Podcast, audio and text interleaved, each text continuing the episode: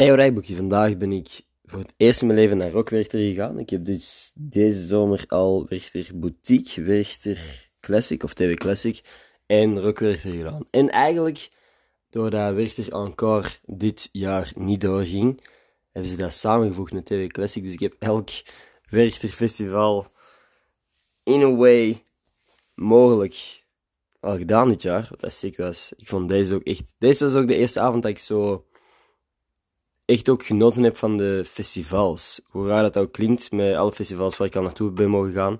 Ik moet daar ook wel gewoon werken, elke keer. Dus deze keer um, heb ik de Kid Leroy bijvoorbeeld gezien, zonder dat ik nog moest denken aan, oh shit, ik moet om dat uur daar terug zijn. Uh, heb daar Ilias, Mr. Steal Your Bike, op Instagram en weet ik veel, volgens mij ook alle andere platformen uh, tegengekomen.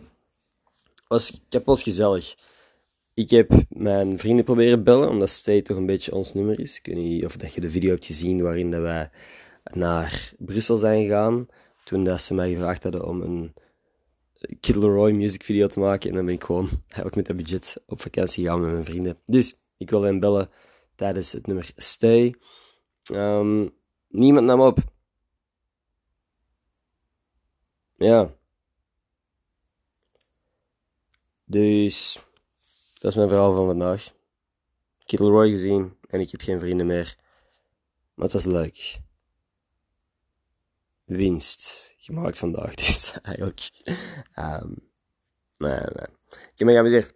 Uit, dat is het. Morgen Paradise City, dus als je daar bent, see you there.